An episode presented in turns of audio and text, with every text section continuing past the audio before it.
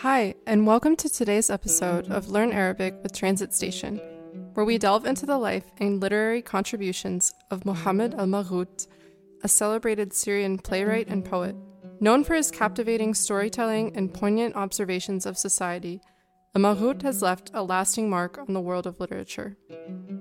In this episode, Samer will narrate the fascinating journey of Malghut's life, his unique artistic voice, and the social and political context that shaped his work. Mm-hmm. As always, we're trying our best to deliver these podcasts in the spoken dialect of Levantine Arabic.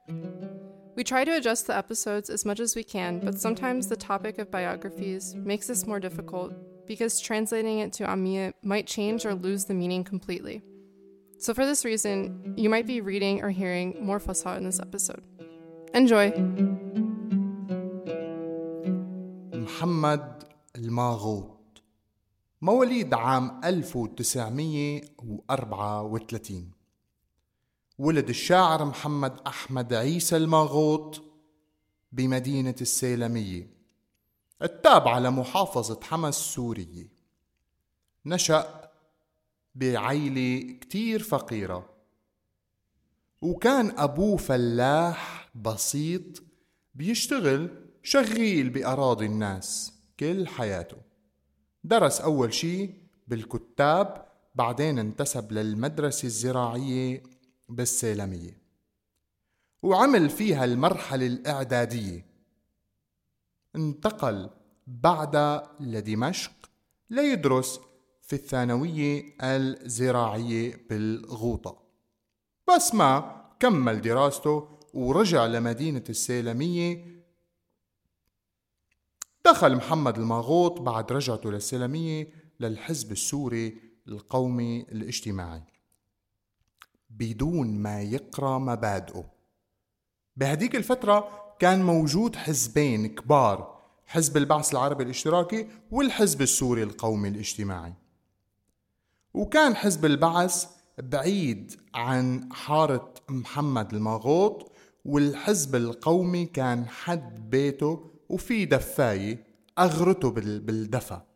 فدخل بهالحزب وانضم لصفوفه. ما استمر انتمائه الحزبي لفترة طويلة وسحب عضويته بالستينات. بعد ما انسجن وتلاحق بسبب انتمائه. بهالفترة اشتغل محمد الماغوط فلاح وبل بدت عليه بوادر موهبته الشعرية بالتفتح ونشر قصيدة بعنوان غادة يافا. بمجلة الآداب البيروتية التحق محمد الماغوط بخدمته العسكرية بالجيش وكانت أوائل قصائده النثرية بعنوان لاجئة بين الرمال. اللي تم نشره بمجلة الجندي بتاريخ أيار عام 1951 وهي المجلة كان ينشر فيها الشاعر أدونيس وخالد سعيد وسليمان عواد. وبعد ما خلص الخدمة العسكرية استقر الماغوط بالسيلمية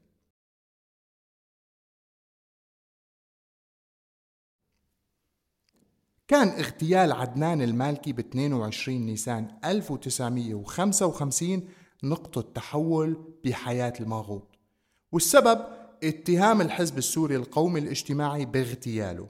بهداك الوقت ولوحق أعضاء الحزب وتم اعتقال كتير منهم وكان المغوط من ضمنهم. وتم حبسه بسجن المزة وهنيك ورا القضبان بلشت حياة الماغوط الأدبية الحقيقية.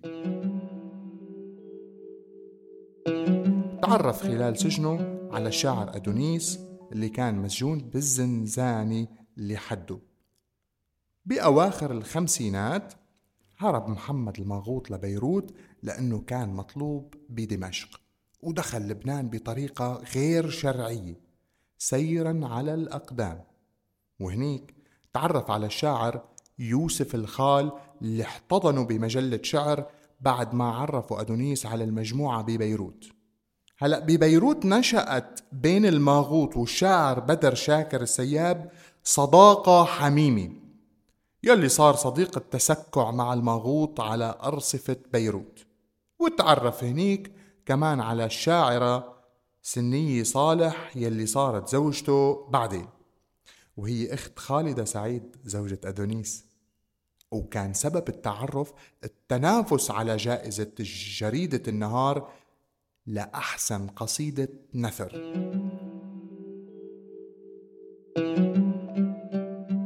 رجع الماغوط لدمشق بعد ما صار اسم كبير بعالم الأدب وصدرت بهالوقت مجموعته الشعرية الأولى بعنوان حزن في ضوء القمر. عن طريق دار مجلة الشعر عام 1959 بعام 1960 صدرت مجموعة تانية عن طريق نفس الدار بعنوان غرفة بملايين الجدران.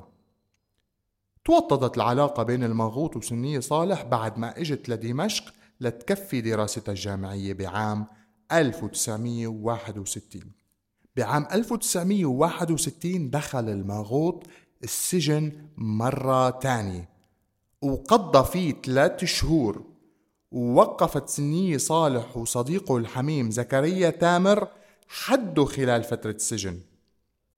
تزوج الماغوط من سنية صالح بعد ما طلع من السجن وجاب منا بنتين شام وسلاف. بالسبعينات صار محمد الماغوط رئيس تحرير مجلة الشرطة ونشر كتير من المقالات الناقدة بصفحته الخاصة من المجلة تحت عنوان الورقة الأخيرة.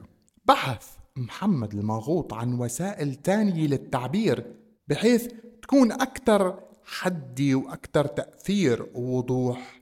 فكانت مسرحياته المتوالية مثل ضيعة تشرين وغربة وكاسك يا وطن وشقائق النعمان وغيرها من المسرحيات خير مثال على هالشي.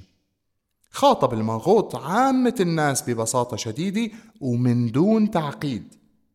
كان المغوط واحد من اللي ساهموا بتحديد هوية وطبيعة وتوجه جريدة تشرين السورية بمنتصف السبعينات واشتغل على تطويرها وتناوب مع الكاتب زكريا تامر على كتابة زاوية يومية تعادل في مواقفها صحيفة كاملة. وحصل نفس الحال لما انتقل ليكتب أليس في بلاد العجائب بمجلة المستقبل الأسبوعية. وكان لمشاركاته دور كبير بانتشار هالمجلة بشكل بارز وشائع بسوريا. خلال الثمانينات سافر الماغوط لدولة الإمارات لإمارة الشارقة تحديدا واشتغل بشريطة الخليج وأسس مع عداباي القسم الثقافي بالجريدة. واشتغل معه لاحقا الكاتب السوري نواف يونس. كانت فترة الثمانينات صعبة وقاسية على الشاعر محمد الماغوط بلشت بوفاة شقيقته ليلى أخته ليلى بعد الولادة. عام 1984 بعدين وفاة والده أحمد عيسى بال 85 وكانت أصعب ضربة تلقاها وفاة زوجته الشاعرة سنية صالح بال 85 بعد صراع طويل مع مرض السرطان. وهو نفس المرض اللي نهى حياة والدتها وبنفس العمر كمان. وكانت مصاريف العلاج على حساب الحكومة السورية بمشفى بضواحي باريس يلي مضت فيه عشر شهور للعلاج من المرض اللي نهى حياتها عام 1987 كان وفاة أمه بسبب نزيف حاد بالمخ تزوجت بنته شام بنص التسعينات من طبيب سوري مقيم بأمريكا. وكمان بنته سلاف المقيمة مع زوجها ببريطانيا تركت هالمآسي المتلاحقة أثر شديد على نفسه وعلى أعماله وكتاباته.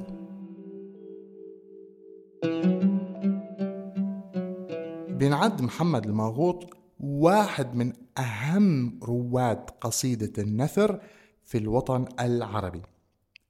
كتب الخاطرة والقصيدة النثرية والرواية المسرحية وسيناريو المسلسل التلفزيوني مثل حكايا الليل ووين الغلط ووادي المسك. كما كتب الفيلم السينمائي مثل الحدود والتقرير وامتاز أسلوبه بالبساطة البراغماتية وميله للحزن كان عنده أعمال تانية كمان مثل الأرجوحة وسأخون وطني وسياف الزهور وغيرها من الروايات. كتب عنه خيو عيسى الماغوط كتاب بعنوان محمد الماغوط رسائل الجوع والخوف. بيروي بهالكتاب حكايات كتيرة عن خيو. بتأكد الصورة الشائعة عنه بأنه منحاز على الدوام لصفوف الحرية والأحرار. بيرافق الكتاب صور فوتوغرافية للماغوط وأفراد عيلته.